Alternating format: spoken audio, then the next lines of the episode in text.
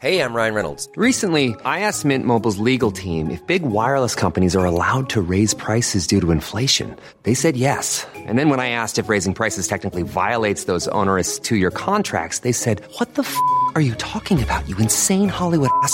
So to recap, we're cutting the price of Mint Unlimited from $30 a month to just $15 a month. Give it a try at mintmobile.com slash switch. $45 upfront for three months plus taxes and fees. Promo for new customers for limited time. Unlimited more than 40 gigabytes per month. Slows. Full terms at mintmobile.com.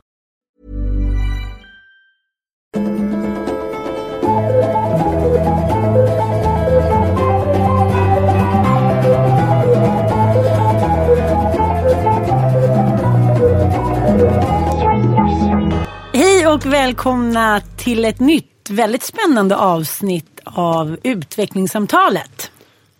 Vi har en Vi ny... kanske ska säga det, det är ju första gången det heter utvecklingssamtalet. Det är Alltså, vi, vi håller på att smyga igång någonting. Ja, ja, precis. För att så här är det att vi, det hette Kvartssamtalet. Och då, tanken var ju lite grann att eh, det skulle vara ett samtal som skulle vara utvecklande och ungefär en kvart långt. Sen märkte vi att det blev ganska hetsigt att ha så kort. Och då kom vi på att utvecklingssamtal heter ju faktiskt nu för tiden. Det heter ju inte Kvartssamtal längre.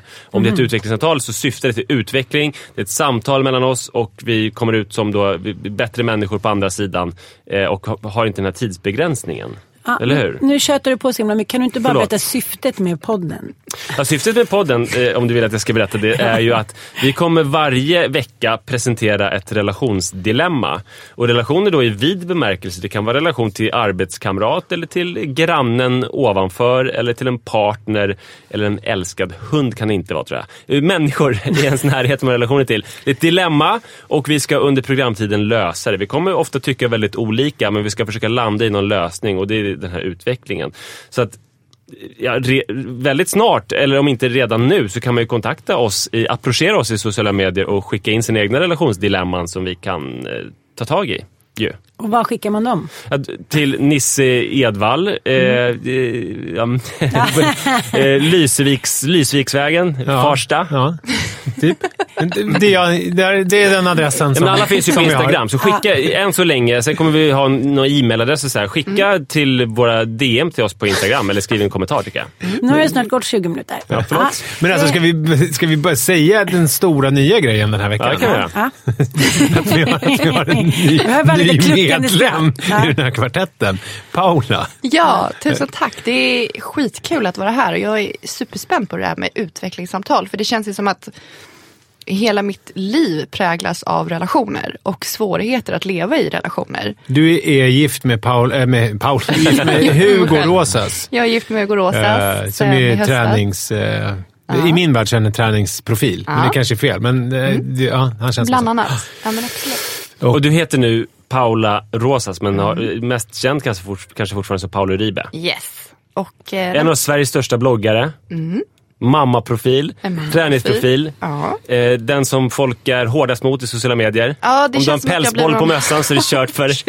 Om du eh, börjar få magrutor så får du skit. Ja, det, det får man inte heller Nej. Nej. Du får inte visa dina magrutor nu när jag börjat träna. Okej, vi sparkar igång. Ja. Välkommen, välkommen hit. Tack. Så himla roligt. Tycker, ja, det är så Ja, jag tycker roligt. också det. Du behöver inte Eh, känna någon tvekan kring det. Nej, jag bara känner mig helt uppfylld. ja, det är för att jag också har liksom We go, we go way back. Oj, nu plingar det. Hejsan svejsan. Det är från Anita. Det var ju vår första panelmedlem. Ja. Hur som helst. Vi Röst från andra sidan. Precis. Eh, hon vill bara bli, påminna oss om att det var hon som var först. Men man är lätt utbytbar. Eh, så att, eh, nu kör vi. eh, mitt dilemma den här veckan är då alltså, i vid bemärkelse kultur och familjekrockar. Och vi tre kan man ju ändå referera till som tre svennebananas. Vilka tre? Det var av- av precis det jag tänkte när jag fick Precis. det här dilemmat. Ja, alltså alla utom vi Paula är svennebanan. Vi har svensk klingande namn och har svensk klingande föräldrar. Mm.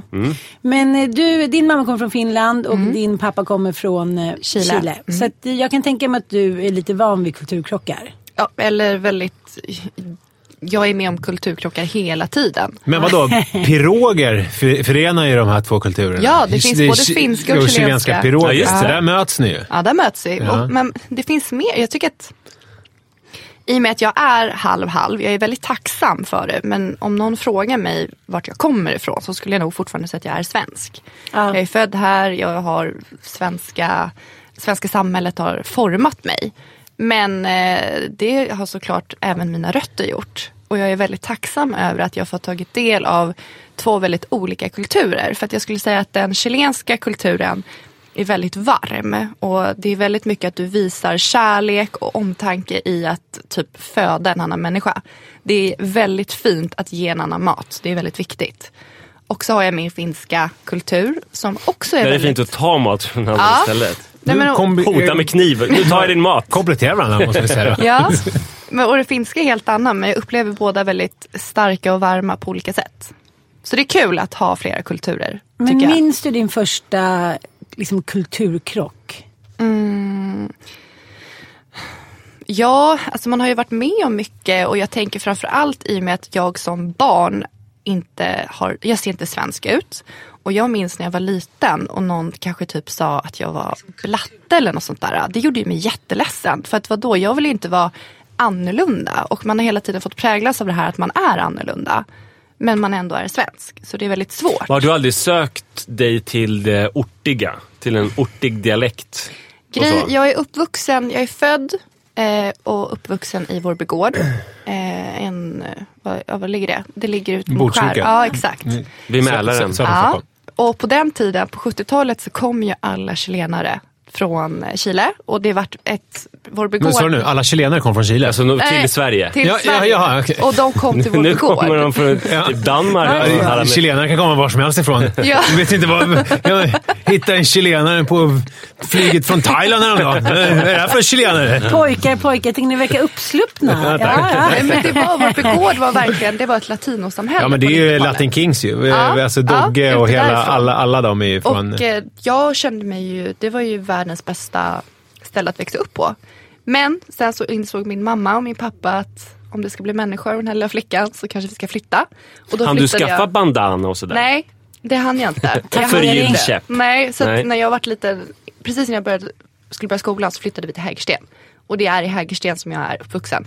Mm. Jag kommer knappt ihåg Vårby gård men jag är väldigt tacksam över att jag fick bo där. Men det är två klassiska invandrargrupper ändå. Mm. Finnarna och chilenarna. Något av de finaste vi har här i Sverige. Och de på något sätt så känns det som att de drar sig till varandra. Ja. Ja, men det är eh, verkligen. Pirogerna. Ja, Ja, det det är, pirogerna som kommer att mötas. I min skola, när jag gick jag är ju i Skogås, i, eh, också eh, i södra Stockholm, då var det uppdelat eh, på grund av hemspråksundervisning. Så att då fanns det tre skolor i Skogås. Det fanns Vretskolan, Skogåsskolan och, Sjö, och Sjötorpsskolan.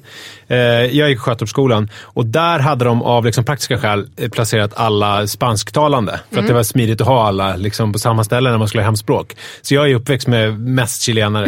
och sen så i Vretskolan där gick alla turkar. Och sen så i, eh, nej, i Skogåsskolan gick alla turkar och sen i Vretskolan gick alla finnar. Så det var väldigt sådär, eh, smidigt på pappret, men kanske, jag vet inte. Då har det gått 20 minuter. Tack för att du var med Det var ju du som började ta upp hela den här kulturfrågan Ja, till, Nej, jag kommer från till Farsta. Paula. Kommer ett dilemma? Ja, vi har ett dilemma. Ja. Eh, jag vill säga att det jag säger att det här dil- dilemmat är liksom, eh, det, är liksom, man kan applicera det lite överallt. Bland annat så här, till exempel när man hade en nyfödd bebis. Killen var så jag måste ut med polarna för mitt psyke kräver det. Och så drog han iväg, mitt ex då, och så kunde han komma Dick tillbaka. här- Sundevall. Ja men sex på morgonen. Att, så här, Jaha, men jag sitter här. Alltså, det kan bli krockar. Vare sig det handlar om kultur eller man kanske har ett nytt familjebildande. Det är ganska ofta som man tycker Men vad var det olika. för krock där? Det var det krocken att en måste ta hand om barnet och en måste ut med grabbarna? Nej, men en påstår sig ha ett behov som den andra absolut inte kan liksom eh, haka på. Alltså förstår du vad jag menar? Det är så, här, det är så givet fortfarande. Ja, att 2000 bla bla ish. Att säga, ja, ja men du har ju fått barn nu så du tycker det är så mysigt att ligga hemma medan jag går ut och super skallenbitar och är bakis i två dagar.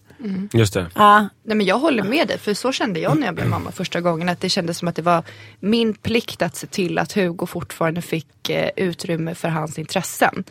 Vem är jag som ens tog hänsyn till att han körde en golfrunda när mitt barn var typ två veckor? Ja. Alltså det skulle aldrig hända idag. Men det har ju kanske med att man blir lite äldre och man får lite mer, men inser sitt eget värde. Och det har ju prövats i väldigt många relationer. Det låter jättespeciellt för att eh, dels att spela golf det tar ju fyra timmar en runda, 18 hål. Nej, och sen så transporter. Och sen att åka ut och supa, det är ju jätte liksom, dumt för att först är man borta rätt länge och sen så är man satt ur spel.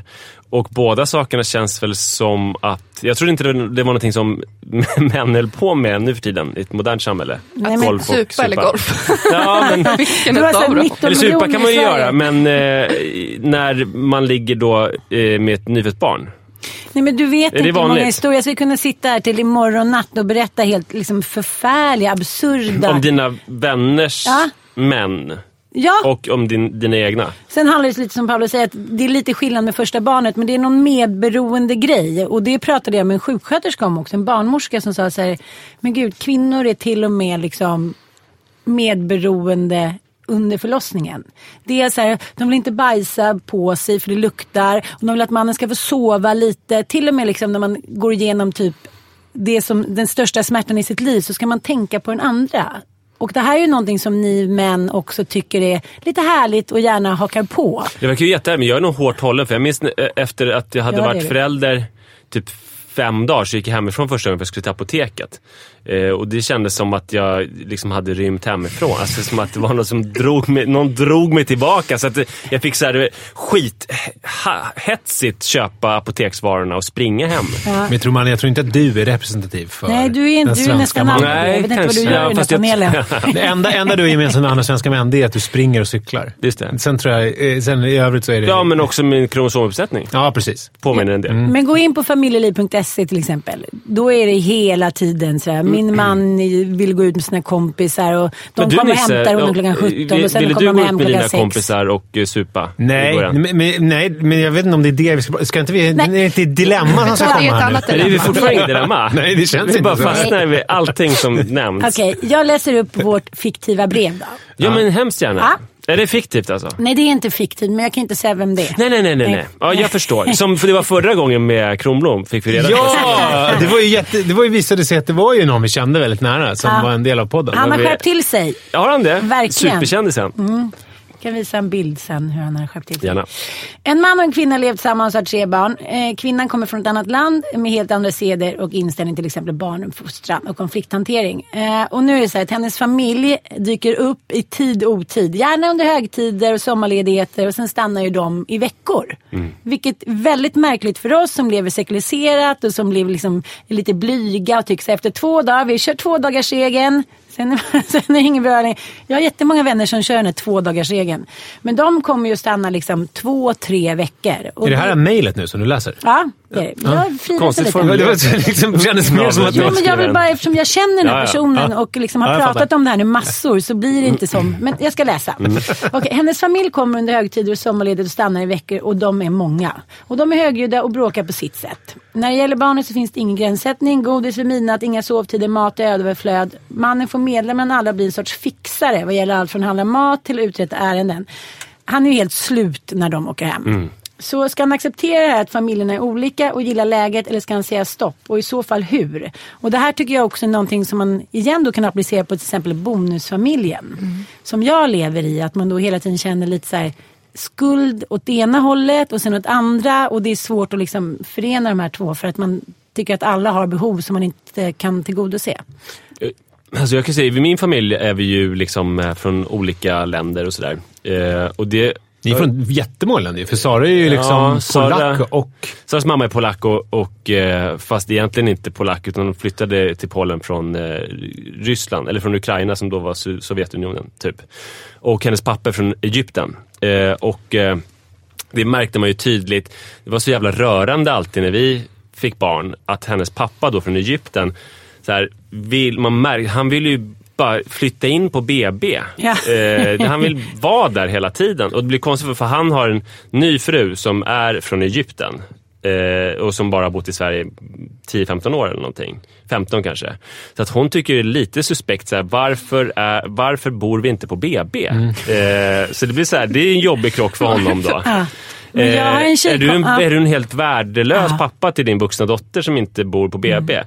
Men där är ju funkar det ändå så att Sara är så här, inget jävla egyptiskt krafs. Ingen kommer in på BB. Så han har fått lösa det. Han har stått utanför och så här, "Eh, här råkade jag stå med bilen, nu kör jag hem er. Sen har han köpt mat för tusentals kronor så här, ställt oss. Så att han har ju fått, eftersom Sara och jag kör den svenska stilen båda två, har han fått anpassa sig till den svenska stilen. Bara det att han köper massa matkassar och konstiga eh, julostar i september. Alltså, och bara Men sådär. han gör ju det man hör, det av kärlek och omtanke. Verkligen. Det är och det, som är, och det är så hans himla sätt att gulligt. visa För att han hade ju kunnat vara så här: jag ska vara på BB. Men han förstår ju, han har ju bott i Sverige i evigheter också. Så Ja. att, så att ha- det han tar med sig från sin, sin kultur, han vill visa att så här, ni ska ha mat och jag vill ta hand om er och skjutsa, jag vill göra vad jag Hjälpa kan. Så det är en väldigt fin anpassning där.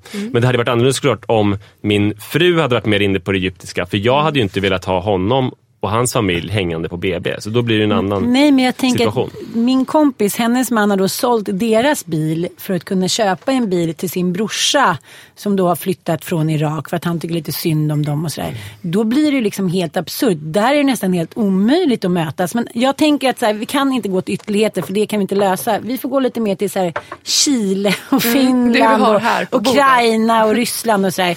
Det är ju ett helt annat sätt. Någon kommer hem till en, bråkar på ett helt annat sätt. Ska Mm. liksom se till att ens barn eh, är käkar i tid och otid. Eh, eh, skriker åt varandra, vill döda varandra. Och sen alltså, på ett sätt som man bråkar på andra ställen. Men det är ju lite läskigt. Ska man så här, ska man, hur ska man förena det när man också är ensam? När hela släkten kommer och man kanske är själv från sin egen kultur. Nu får nästan Paula komma in. Ja, verkligen. Jag tänker lite att eh, just det här, jag tycker ju, alltså, jag tänker bara på mina egna relationer att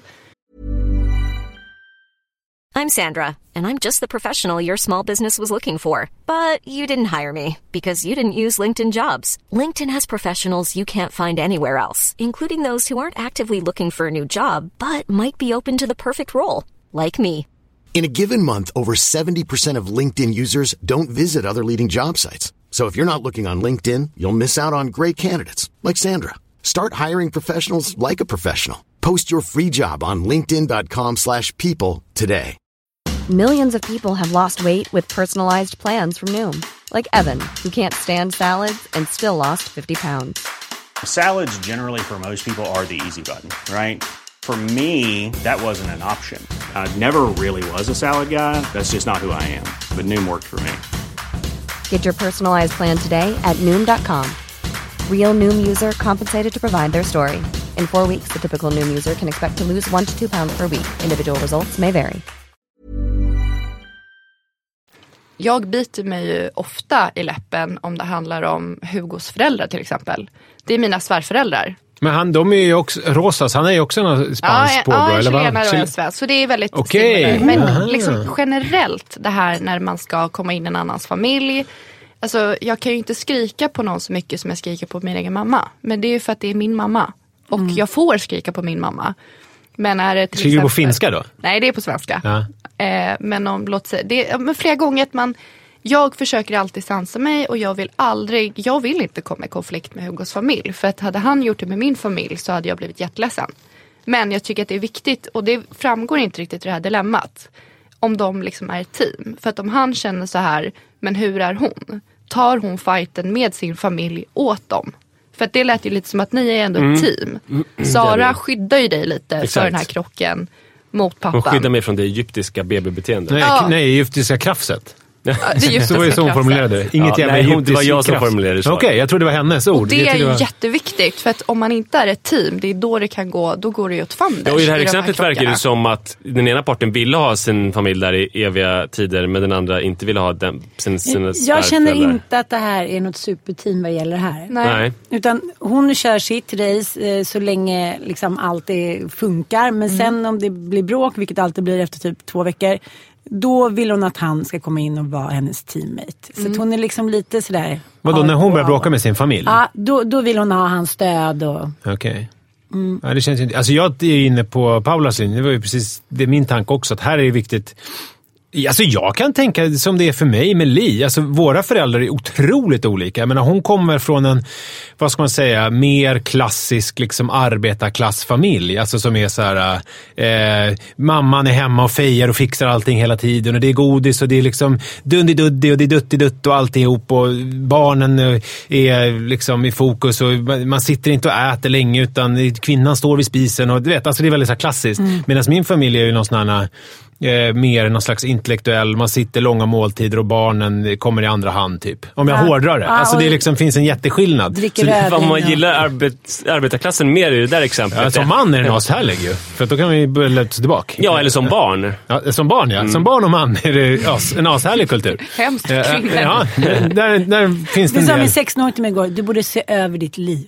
Oj, bara- den är hård. Okej, för att jag hade klagat på att han inte hade kommit hem på en vecka för att han bodde hos sin pappa som var bortrest. Då tyckte han så här, du borde se över ditt liv. Okej, vi släpper det och så gick jag dit med köttbullar. Men hur som helst, och där är det ju att jag och Li ju, eh, pratar jättemycket om hur vi vill ha det som familj. Och när vi nu umgås eh, med våra respektive familjer så är det ju jag och Li som är teamet. I början kunde jag känna jättemycket när Li var med mig och jag var med min mamma och pappa, alltså innan vi fick barn och allting, för länge sedan. När vi var liksom, alltså sjukt länge sedan, när jag var i Paulas ålder. Oj, vad- Ni har samma sedan ni var typ 17. Ja, precis. Nej, men vi säger när vi var i så här 22-årsåldern. Eh, och jag kommer ihåg när vi Samma ligg som 17. Ja, Förlåt, bara, ah, fortsätt. Eh, men det utvecklas. Det är som ett vin. Ja, Man nej, går det- igenom olika faser tillsammans. Ja, det är till och med legat två gånger där på den där semesterkvällen. Ja, just det. Oj, oj, oj. Eh, Men i alla fall. Och då, då kunde jag verkligen känna att det var att när vi var 22 och vi var på landet med mina föräldrar, att det var fortfarande jag och mamma och pappa typ, mot Li. Ni hade era. Ja, vi hade, liksom vår, vi hade våran tugg och vårat surr och umgicks på vårt sätt. Och sen så kom hon in som en främmande fågel. Och det, alltså, det gick så långt att en gång så liksom gick Li ut och typ grät. Och att jag, hon kände sig ja, men Hon utanför. kände sig utanför. Och då var min pappa, som är den empatiska i min familj, var ju så här, du kanske måste gå och prata med henne. Jag tror att hon är ledsen. jag bara, "Åh, fan, häll upp mer vin. Eh, ja, men, så att, och där känner jag ju, och på motsvarande sätt har jag ju känt mig eh, i hennes familj, även om det är det är ganska skönt att vara kille där. Man kan jag kan ju bara luta mig tillbaka i soffan och låta allting hända. Men eftersom jag är uppväxt på ett annat sätt så blir det, konflikten mellan mig och Lis mamma kan ju bli att jag vill ju göra saker. Alltså, och då kan det bli så här tävling om vem som dukar av först. Alltså när vi sitter och äter, att det är så här, att jag typ börjar duka av innan vi ätit färdigt för att jag vill vara före henne för att visa att det här är liksom en... Det här, här är mitt jag gör, det hem här, också. Ja, men, Lite. precis. Här gör vi som jag. jag är liksom, du ska inte behöva göra allting. Men alltså, hon är ju uppväxt med att hon ska göra allting. Så då kan det ju nästan bli en konflikt för att hon såhär, nej, inte ska väl du? Och inte ska, jo, men inte ska väl du? Nej, men ska, och så blir det liksom... Men gud, det är jätteroligt. Det är, ja, det är roligt. Därför hon har väl misslyckats om någon annan Ja, ja, eh, visst. Fast Ja. här tänker jag ändå så här, här är du ändå en del av, liksom, förstår du, ursäkta uttrycket, men ett svensk, en svensk kultur. Här blir ju den här killen ganska ensam när det kommer in Ja. liksom, tre glada familjer och så här, jag ska döda dig och det bråkas och han säger okej klockan är 11, nu fick barnen typ eh, 22 godisbitar var. Okej jag ska upp och jobba imorgon. Alltså, hur sätter man ner foten? Är det någon som bryr sig Paula? Alltså, förstår jag, lite vad jag menar? ja, men jag hade blivit galen Ja. i en sån situation. Just för att det är så att man vill ändå ha nu framkommer inte heller om det här är under en ledighet eller är det liksom en tisdag. Ja men det är lite olika. varför, är de, högtider. varför är de där så jävla länge? Tre veckor. De vill det bara. Men bor de i ett annat land som inte har någon annanstans? Ja, de, de har ingenstans Ja, ja, att vara ja. i Sverige. Nej. Okej. Så men att de då vill vara så. i Sverige och sen, de kan ju inte ta in på hotell. Nej men så Nej. är det när min farmor kommer från Chile. Då bor hon hos min pappa i tre månader. Det är så. Mm. Men återigen, det, min farmor är liksom världens härligaste pygmé. Och eh, inte ja, men bara någon. mat och bara är jättehärlig. Så då funkar ju det. Det är det jag menar. Hon så här, hjälper ju till och Ja, tillför. hon tillför och det Ja. är viktigt. Men jag tror fortfarande att liksom, om, man ska gå, om man ska bara bryta ner det här dilemmat så är den största, det är hur de är som ett team eller inte. Och det tror jag påverkar hela situationen. Men sen så är det som jag då som kommer från olika kulturer.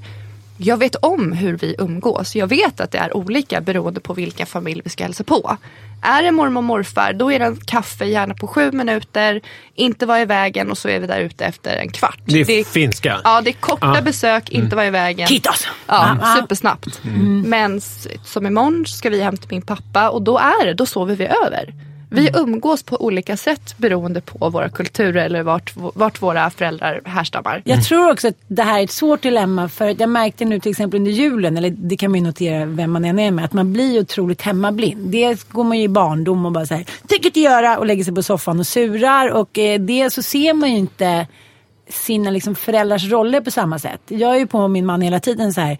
Nu går du in, nu hjälper du till, nu säger du till din pappa. Men vadå, hör du inte vad han säger? "Eh, Pappa, nu är det... Alltså, han ser inte det. Han är helt hemmablind. Och det här har också blivit ett problem för oss. För så fort han överhuvudtaget gör något fel, då är jag så här. Kolla själv, du har precis blivit som din bla bla bla. Ja, där har du från din pappa, du måste gå i terapi, bla bla bla. Att man blir så himla påverkad av sin uppväxt. Kolla mitt medberoende till exempel. Som, jag är uppväxt med att man kan bete sig lite hur som helst. Man får ändå vara med i härligheten, man får ändå komma till dukat bord, bli älskad, få ligga, få att få underbara barn. Men man behöver egentligen inte prestera emot Men, och vad beror det på? Det var, var det din pappa som var? Nej? Ja, men alltså min pappa var ju underbar på många sätt. Det var inte så att han inte gjorde någonting. Men han kom ju hem från sina resor och var liksom sköna farsan.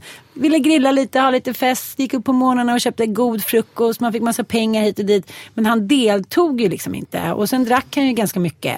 Eh, och till slut alldeles för mycket. Och då tycker jag att man måste ställa någon form av motkrav. Men, men eh, det behövde ju inte 40-talistgubbarna liksom. Men nu är det en ny jävla generation. Men ändå sitter du och jag och pratar om att här, första barnet, här, det är klart han måste få festa och fortsätta med sina intressen. Men jag ligger här med melonerna i vädret och så här, baby blues och städar och gör fint. Så att han kan gå ut och supa. Liksom, jag, kan, Man jag blir så upprörd när jag tänker på första barnet. Ingen fara, halv sex. Man bara, mm, då går jag upp och hittar på någonting med barnen då. Men, om vi ska ta det tillbaka till dilemmat så tänker jag så här att eh, han borde ju, man, man tänker, han borde ju säga till henne så här, det funkar inte, din, din familj kan inte bo hos oss i tre veckor. Men om hon då eh, anpassar sig och säger till sin familj som bor i ett annat land, din familj kan inte bo eller ni kan inte bo hos oss i tre veckor. Alltså det kanske är slut för det, hela deras släktrelation. Ja, alltså, ja, det där är, det, det. det kommer Vi kan aldrig aldrig gå. Så att då är det så här, hej då familjen. De kommer ju aldrig bo på hotell för att det skulle vara så, det, den kulturkrocken går inte. Nej, men det, det, kom, det skulle jag... jag sa, det kan man göra så här att, man, att, man, att han råkar ha någon jobbresa? Eller att han åker någonstans som de kan hitta på lite kring att han jobbar på en oljeplattform i Norge. Ja, men exakt. faktiskt. Jag tänker också Varannat år så åker de dit istället så att de kan röra sig lite friare kanske. Jag känner att hon har ett jättestort ansvar här. Mm. Det är faktiskt upp till henne att få det att funka.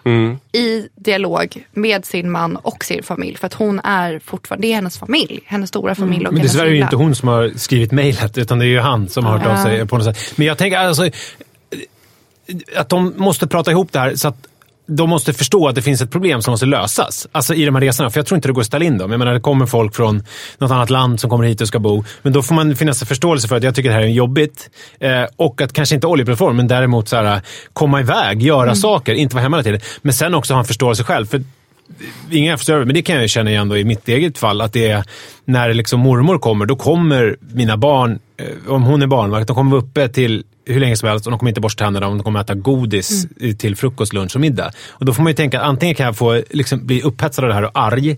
Eller så kan jag tänka att ja men så här är det. Eh, och det är inte liksom, det är inte min, om, det är inte min mormors eller barnens mormors sätt att uppfostra som kommer prägla mina barn. Alltså det är Nej, ju, nej, det det är ju, liksom, det är ju hur jag är som kommer att sätta sin prägel på dem. Så att om det nu är så här ibland att de får några veckor på sommaren äta godis hur mycket de vill och vara uppe sent och så, här, så, så är det, det är ju något annat än liksom livet ju. Ja. Men det här var några handfasta saker. Till att börja med, så här, håll inte bara på att skriva mail till Ann Söderlund. Nej. Eller knyt handen i fickan. Utan prata med din partner om det här problemet. Inse att det kan vara slutet för hela släkten om man lägger ner med det. Så de kan behövas. Men hitta ett sätt. Gör utflykter på egen hand. Åk bort en vecka till fjällen med dina kompisar i samband med det här. Kolla om man kan göra varannat, varannat år så att man åker till dem istället.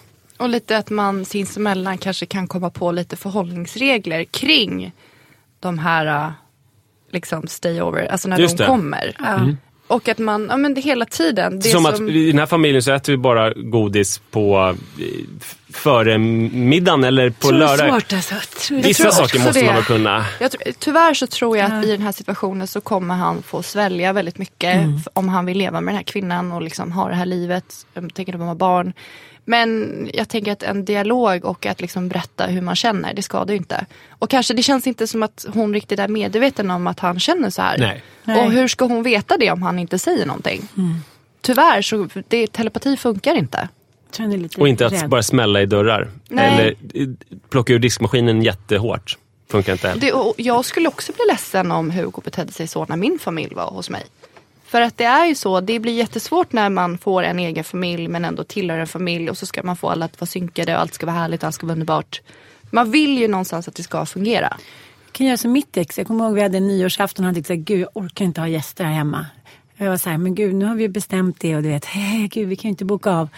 Han åt sin hummer, drack ett glas champagne, gick han och la sig klockan nio. Men nu lever Nej. ni inte tillsammans längre.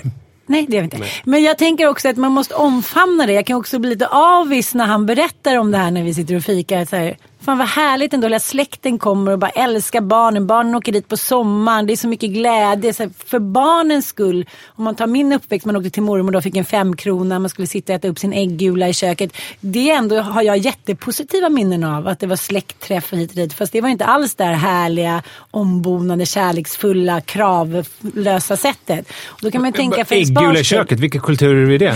Det, är, det är en grekisk ortodox kultur. En rå? Småländska kulturen såklart. Eh, så att, eh, man kanske också får så här, levas in Du menar att du fick ett ägg som var så jävla hårdkokt så att det var omöjligt att penetrera. Så när du hade ätit upp din äggvita, då blev du kvar med en sån här gigantiskt hård grönblåfärgad äggula. Mm. Ja. Och så sa din mormor, det där äter du upp. Du sitter tills du har ätit upp. Och du kunde liksom, det bara växte i munnen på dig. Typ så. Och, Mm. vi- sen var det inga släktingar eller kusiner eller och någonting. min syster Jag satt vid exakt. det där köksbordet. Jag minns varenda, liksom, jag minns äggkoppen, jag minns precis hur det såg ut. Och sen Såg för slutade- jävligt ut. Det slutade alltid med samma procedur. Att ni kräktes. Nej, att hon sa att hon skulle gå ut med soporna. Så gick hon ut och visste vi att då hade vi liksom ett tidsspann på runt 17 till 22 sekunder. Papper, ner med äggulan. Men det stämde med äggulan? Ja! ja, ja det Den var hårdkokt och äcklig, ja. Och gömma i liksom eh, papper, i den nya soppåsen. Och så kom in så här. Har ni ätit upp nu Åsan? Ja mormor, ja mormor. Sen var det över liksom. Mm. Men den skräcken. Den svenska kulturen är, Den den är nästan jobbig alltså. Inte, vadå, vad skulle hon ha gjort? Skulle hon ha slagit oss? Skulle hon ha tvingat? Alltså, skulle hon, det skulle hon inte ha gjort. Men ändå rädslan, den respekten. Jag kan ändå sakna att liksom se att mina barn har en sån respekt för någon. Tänkte jag på igår kväll. Mm. Eh. Men om vi ska, det verkar som att vi är väldigt överens ju. Att ja. man kan inte bara bryta med den här släkten. Eh, Man, man ska börja med att eh, belysa problemet eh, och sen hitta sätt att eh, lösa det som ändå är lite pragmatiska då. Svälj din stolthet också kan jag säga. Det är viktigare att ha kärlek än att liksom sätta principer. Så är det. Ja? Hellre en eh, släkting i soffan än en äggula i köket. Nej, Det, var, det där var en rubrik. ja, eh, vad kul, då är första avsnittet inspelat. Eh, tack Paula. Tusen Hur kändes tack. det? det? Jag tyckte det var jättespännande. Ja. Jättekul att du är med nu. och det Ja. känns alltid när någon säger någonting då kommer man på en ny tråd. Ja. Så man kan ju liksom prata sönder sådana här ämnen. Man hittar ofta ingångar i det. Ja men bra, bra dilemma. Om en vecka så kommer ett nytt avsnitt och det kommer liksom eh, ske lite, komma lite nyheter kring den här podden hela tiden. Mm. Så stay tuned. Vi vet ju redan vad nä nästa veckas dilemma är så då kan vi Ja, just det. tisa lite. Ja. Nibson. Ja, det kommer handla om sexfrekvens. Alltså måste man knulla med sin partner även fast man själv inte är sugen för husfridens skull?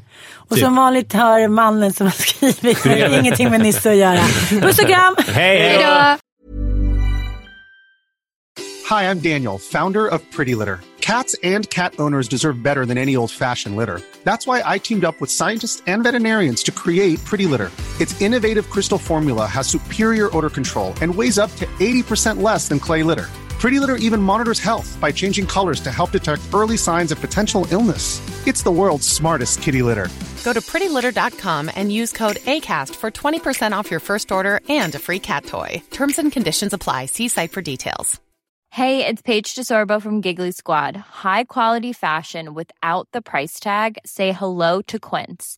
I'm snagging high-end essentials like cozy cashmere sweaters, sleek leather jackets, fine jewelry, and so much more. With Quince being 50 to 80% less than similar brands. And they partner with factories that prioritize safe, ethical, and responsible manufacturing. I love that. Luxury quality within reach. Go to quince.com slash style to get free shipping and 365 day returns on your next order. Quince.com slash style.